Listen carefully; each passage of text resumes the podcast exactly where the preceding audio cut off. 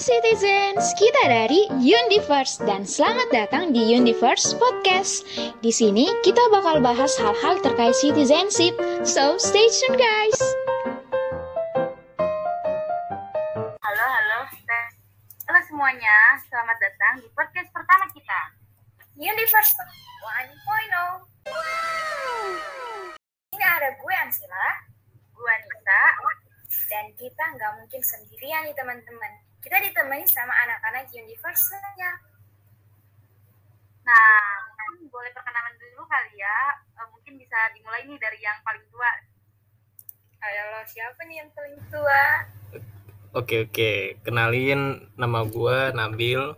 Eh gue dari Teknik Geofisika 2019. Makasih. Halo Bang Nabil. Halo Nabil. Berasa Oke, tua ya? selanjutnya mungkin boleh nih ke yang kedua tertua. Waduh, berat ya. Oke, halo semuanya teman-teman. Perkenalkan nama aku itu Aldi Sitompul uh, dari Prodi Teknik Geofisika 2019. Salam kenal semuanya. Halo Bang Aldi. Halo Bang Aldi, salam kenal. Siapa nih yang terakhir mau kenalan? Rahel kali ini. Bersuara ya, Rel. Halo halo citizen, kenalin aku Rahel Girsang dari Teknik Perminyakan Angkatan 2020. Salam kenal semuanya. Salam kenal. Halo Rahel, salam kenal. Oh ya guys, eh, FYI juga nih. Jadi eh, gue sama Sila juga dari Teknik Perminyakan 20. Jadi kita eh, seangkatan sejurusan juga sama Rahel. Eh, dari tadi kan ngomongin Universe, Universe, Universe mulu deh. Emang Universe itu apaan sih? Nah, Universe itu singkatan dari Unity University, guys. Ini bersatu dalam perbedaan. Iya Oh, benar. oh iya sebenarnya ada alasan sih kenapa kita milih nama ini gitu. Jadi kan sesuai kata-katanya nih Unity in Diversity. Eh, jadi kita itu kan eh, beda jurusan, beda angkatan, beda daerah juga pastinya, tapi kita tetap satu asik. Iya benar banget. satu dalam perbedaan asik parah nih. Kalau dilihat dilihat Bang Nabil sama Bang Adli udah masuk tahun ketiga ya Bang di kampus UP kita ini. Jadi pasti banyaklah kesibukan-kesibukan eh, Bang Aldi sama Bang Nabil. Bolehlah di-spill Bang Bang Aldi kesibukannya apa aja. Widih, bahas-bahas kesibukan nih. Kepo ya. Oke. Cie. Oke, eh, kalau bahas tentang tahun ketiga, itu kan udah bisa dibilang eh, udah ngelewatin setengah dari masa target lulus ya. Nah, artinya itu juga eh, tahun ketiga itu yaitu tahun di mana kita akan pelajari semua materi-materi yang paling penting di dalam jurusan kita. Yang pastinya tahun ketiga itu adalah masa-masa sibuknya mana itu sibuk dari praktikum yang sangat-sangat susah dan merepotkan dimulai juga dari eh, tugas-tugas dari dosen yang cuman hamin satu dikasih waktunya sejam harus dikumpulin. Ya sibuk deh. Tapi di balik semua kesibukan itu kita harus tahu memanage waktu. Kita nggak boleh terlalu push akademik doang. Kita harus juga nge-push non akademik misal eh, dari aku sendiri aku adalah suka atau senang bermain game. Jadi aku jika waktu senggang atau bahkan lebih dari waktu senggang suka bermain game tapi kalau juga nih saat weekend aku juga suka refreshing dengan teman-teman yang ada di sini itu kalau dari aku Iya bener banget tuh bang. Kita tuh harus balance lah ya antara akademik sama non akademik maksudnya ya refreshing lah gitu biar balance begitu kalau tidak balance gila kan semua Iya betul. Kalau betul. mau refreshing ajak-ajak ya Bang. Kita ke mana gitu? boleh Gaskan. Oh iya, kita kan eh, minggu kemarin tuh habis kuliah bela negara nih ya. Ngomong-ngomong, eh, gue tuh kayak masih kurang ngerti gitu sama bela negara. Nah, dari kalian ada yang bisa jelasin nggak sih? Oke, mungkin eh, gua kali ya coba jelasin ya. Yang Nah, gimana, kutip Bang? dari eh, website detik.com nih ya. Bela negara itu adalah suatu sikap atau perilaku warga negara yang menunjukkan kecintanya kepada sebuah negara, guys, mulai dari anak-anak sampai orang tua. gitu. Jadi upaya bela negara diperlukan karena adanya tanggung jawab untuk mempertahankan keutuhan negara pastinya. Oh jadi gitu ya bang. Kayak dari yang kecil sampai yang tua. Berarti kayak nggak ada alasan nggak sih kayak untuk eh, kita nggak bela negara kita? Karena banyak orang eh, yang kayak alasan kayak ya gue kan masih kecil gue belum bisa ngapa-ngapain buat Indo. Jadi gue nggak perlu kayak gitu gitu saya sih sering dengar kayak gitu sih bener banget Oh gitu ya bela negara. Kirain kita itu nanti bela negara itu pas perang gitu antar negara. Ternyata konsep bela negara itu seluas itu. Nah kalau se apa gue pernah baca-baca gitu sama gua dijelasin juga pas minggu kemarin. Jadi kalau bela negara itu sebenarnya ada dua kan, ada yang bela negara yang bentuknya kayak militer sama eh, yang bukan gitu. Nah kita tuh sebenarnya bisa banget loh kayak ikut bela negara yang bentuknya tuh bukan militer itu. Sebenarnya contoh kecilnya deh dari kita belajar aja kayak belajar di kampus dengan benar itu tuh udah termasuk ke bela negara sih kalau sepengetahuan gue. Nah kalau dari yang kalian gimana nih? Kalau dari gue nih ya, eh, jadi keingat dulu nih pas SMP. Kan pasti kan kita semua kan pernah ikut upacara kan. Gue dulu pernah ikut jadi petugas upacara bacain pembukaan undang-undang dasar nih. Jadi kayak itu salah satu contohnya nggak sih? Contoh bela negara. Iya bener banget ya. Soalnya kan bela negara kan kayak kecintaan terhadap negara juga kan. Nah itu ya masuk lah. betul itu Nanti kalau bela negara ini pas eh, udah jadi kewajiban kita semua lah ya. Maksudnya nggak boleh ada yang eh, nggak mau bela negara gitu kan. Berarti kita Wajib banget sih. bukan hanya tugas TNI sama Polri kan. Iya jadi udah nggak ada alasan sih menurut gua karena bela negara ini ya kewajiban kita gitu sebagai warga negara. Kita kan eh, warga negara Indonesia jadi ya kita wajib gitu untuk bela negara kita. Bela negara kan nggak harus angkat senjata nih guys. Hmm, betul banget. Bisa lewat belajar. Bener Jadi bela banget negara itu kayaknya nggak beda-beda tipis sama nasionalisme ya. Ya mirip-mirip itu sih sebenarnya konsepnya. Bahkan kalau kayak nasionalisme itu kan kayak rasa cintanya gitu kan. Nah kalau bela negara itu kalau sepenangkep gue tuh kayak lebih kayak sikapnya gitu loh. Sikap yang Tindakan ya, eh, tindakan. tindakannya, Ya, tindakan ya. tindakannya ya betul kayak gitu. Tapi gue pernah punya experience ya di bidang bela negara ini. Dulu kan teman-teman kan eh, pernah ya upacara ataupun jadi komandan upacara di sekolah. Gue malah lebih gitu. Asik sombong dikit boleh kali ya? Karena ini kesempatan yang banget. karena ini kesempatan yang nggak dimiliki oleh eh, siswa pada saat itu waktu SMA.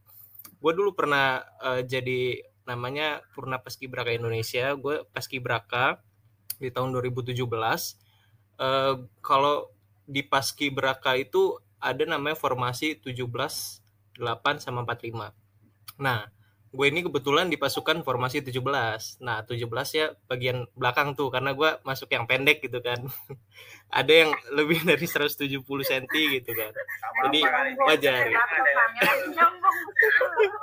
apa Ibaratnya di bagian sayapnya gitu kalau buka formasi. Nah, terus selain di bidang paskibraka, gue juga pernah nih ikut benar-benar organisasi bela negara. Jadi eh, waktu itu SMA kelas eh, 11 ya, itu gue benar-benar pakai pakai seragam loreng-loreng gitu kayak tentara. Terus gue ikut ah, tadinya mau ada latihan menembak tuh di sana, cuman eh, nggak diizinin sama pihak sana yang di Bandung Pengalengan. Terus eh, kita di sana tuh juga diajarin kayak eh, taktik berperang juga, terus kita diajarin eh, tentang senjata tuh, Eh, terus kita diajarin ya ada merangkak di lumpur gitu, ya, tapi nggak ditembakin gitu ya. Kalau di tentara kan namanya Doppler ya, tahu Doppler nggak? Gitu banget, Bang. keren, banget loh bang. Itu Iya. kalau boleh tahu itu gimana caranya kok bisa ikut itu. Iya, jadi kebetulan eh, itu tuh ada seleksinya di setiap SMA dan kebetulan gue kepilih gitu.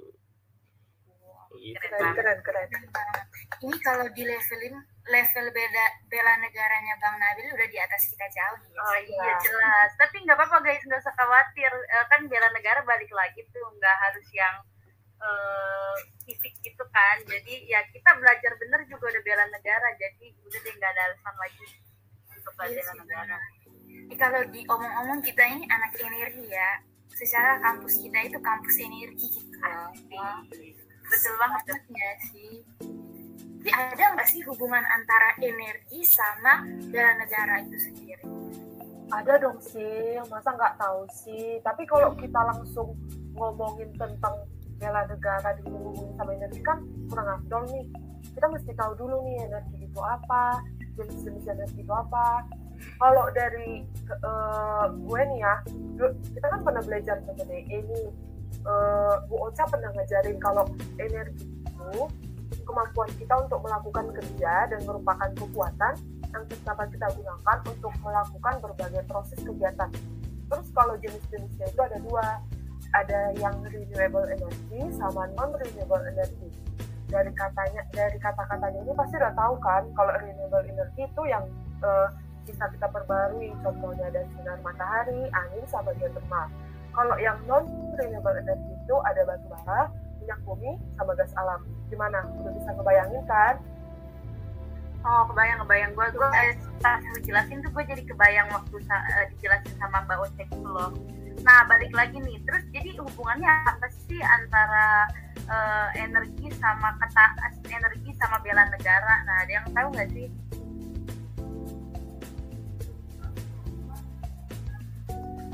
Eh, ini ya mungkin ngasih gambaran kalau ditanya hubungannya itu apa ada hubungannya pastinya karena kalau misal kita ini ber eh, energi energi kan artinya satu contoh deh listrik nah kita dalam kehidupan sehari-hari ini kan menggunakan energi listrik Nah, kalau ditanya hubungannya apa kalau kita memakai energi listrik yang berlebihan, pasti dong energi listrik bakalan habis dan bakalan mahal dan pastinya Indonesia akan kewalahan dengan energi listriknya. Nah, contohnya itu dari hubungan ke bela negara itu kita bisa menolong negara kita dengan cara mengurangi pemakaian energi yang berlebihan. Misal kita kita nggak ada di kamar nih, ke dalam kita hidup kipas atau AC itu lebih baik sebaiknya kita cabut kita matikan harusnya. Jadi eh, pemakaian energi kita berkurang dan kita juga bisa eh, membela negara kita dengan cara eh, menyimpan energi untuk ke depan untuk anak cucu kita. Itu sih kalau menurut pandanganku Ya harus hemat-hemat guys, hemat-hemat energi. Keren banget tuh dari Keren-keren. Nabil ya. Nah, Jadi itu ini ya ada hubungannya ya.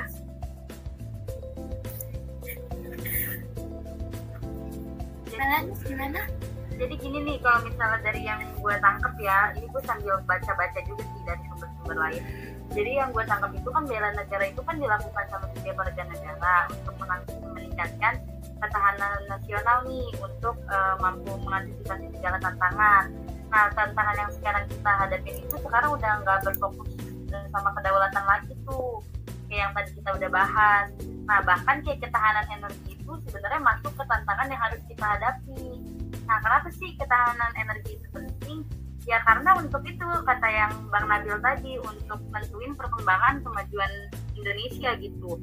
Jadi energinya itu harus di save untuk eh, anak cucu kita nanti gitu. Karena kan eh, energi juga merupakan sumber daya yang penting kan untuk eh, hajat hajat hidup orang banyak. Jadi eh, itu juga kayak masuk kewenangan negara gitu untuk eh, dipergunakan dengan sebaik-baiknya gitu untuk kemakmuran rakyat. Nah ini juga dari yang gue baca-baca ini tuh ada di pasal 33 UUD 1945 guys. Ada hubungannya juga ya guys. Energi sama bela negara. Nah coba nih eh, ada yang bisa nyimpulin gak sih kira-kira gimana tuh? Kayaknya sebelum nyimpulin gitu kita ngomong dulu nggak sih kenapa mahasiswa itu perlu bela negara atau itu Nah kenapa tuh Sil? yang gue baca itu kalau Indonesia itu punya potensi renewable energi di 4.000 4, 440.000 megawatt. Tapi yang baru kita gunain itu baru 2%. Nah, kenapa? Masalahnya karena kita perkembangan IT kita kurang gitu. Jadi menurut gue, sebagai mahasiswa itu salah satu cara kita untuk bela negara di bidang energi itu adalah mempelajari iptek sehingga ke depannya mungkin uh, apa hal-hal yang kita tahu tentang iptek itu bisa berguna untuk proses apa pemanfaatan energi gitu. Jadi kayak gini nggak sih Sil, kasarnya itu biar apa ya kita belajar biar kita bisa uh, nyari nyari energi sebanyak-banyaknya juga gitu bisa diterapin lah gitu. Nah iya benar-benar. Oke ngerti ngerti.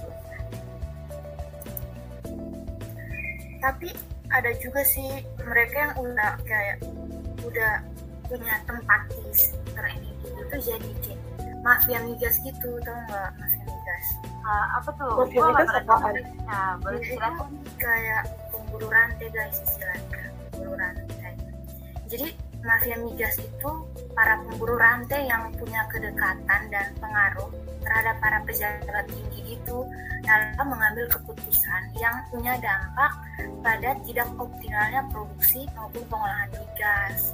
Sehingga hal menimbulkan inefisiensi dalam dan ekonomi biaya tinggi yang terjadi karena ketidaktransparan. Gitu jadi jatuhnya kayak ini nggak sih kayak korupsi gitu juga ya bisa dibilang? Iya sih iya korupsi. Nah Tapi korupsi ini dalam hal migas itu bukan dalam uang. Nah ini nih mungkin ya nanti untuk ke depannya eh, kan misalnya nih nanti ke depannya lah eh, insya Allah kita jadi orang yang bisa kerja di bidang energi inilah. Nah eh, ini juga termasuk tugas kita gitu. Kita nanti bisa nerapin tugas kita untuk bela negara eh, sesuai dengan profesi ada kan kalian pernah dengar nggak eh, bela negara sesuai profesi itu pernah pernah, pernah dong. Pernah dong. Nah iya jadi bela negara sesuai profesi itu itu kayak misalnya nanti kita contohnya aja yang tadi kayak Sila jelasin eh, untuk eh, nerapin bela negaranya itu mungkin kita bisa memberantas tuh eh, politik-politik kotor di balik eh, eh, bisnis energi di Indonesia kayak gitu sih kalau dari gua. Iya sih benar-benar. Jadi nanti kalian kalau misalnya nanti udah jadi orang-orang sukses lah jangan kayak gitu ya guys. Harus tetap bela negara. citizen citizen juga jangan sampai gitu loh. Jangan korupsi. Jangan Nah, jadi boleh, mafia gas. Nggak boleh. Mafia migas. Mafia gas aja mafia migas. Mafia guys. mafia gas. Kalau mafia Nah, hati dia udah- boleh kan ya Gimana gimana? mafia hati hati dia boleh kan oh boleh Aduh, hai. dari ketahanan dari bela negara sama bela dia ya sampai bela dia Waduh, waduh, makin ke mana-mana nih. Jadi gini mungkin kita kayaknya nih udah banyak banget nih pengetahuan baru buat kita daripada kita ntar ngobrol makin ke mana-mana. Jadi mungkin bisa disimpulin kali ini eh, korelasi antara ketahanan energi sama bela negara. Ayo siapa nih yang mau nyimpulin? bang Nabil bang Nabil bang Nabil ketua ketua Iya. Jadi kesimpulan singkatnya aja nih guys ya. Jadi eh, korelasi atau hubungan bela negara dengan energi itu eh, ya kita harus eh, melakukan hal itu dari hal kecil ya. Kita sebagai mahasiswa contohnya aja kayak belajar yang rajin aja gitu. Terus kemudian eh, memenuhi persyaratan IPK untuk eh, menuju ke perusahaan yang kita inginkan. Kemudian jangan lupa nih selain belajar kita juga harus organisasi. Di kampus kita ini uh, ada namanya PEM ya guys ya harus dipenuhi gitu. Nah jadi paling itu aja sih contoh yang singkatnya itu ya dan paling uh, bisa kita lakukan sebagai mahasiswa itu belajar kayak gitu.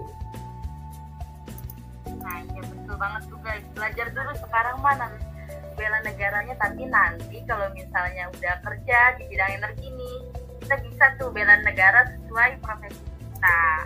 Hai,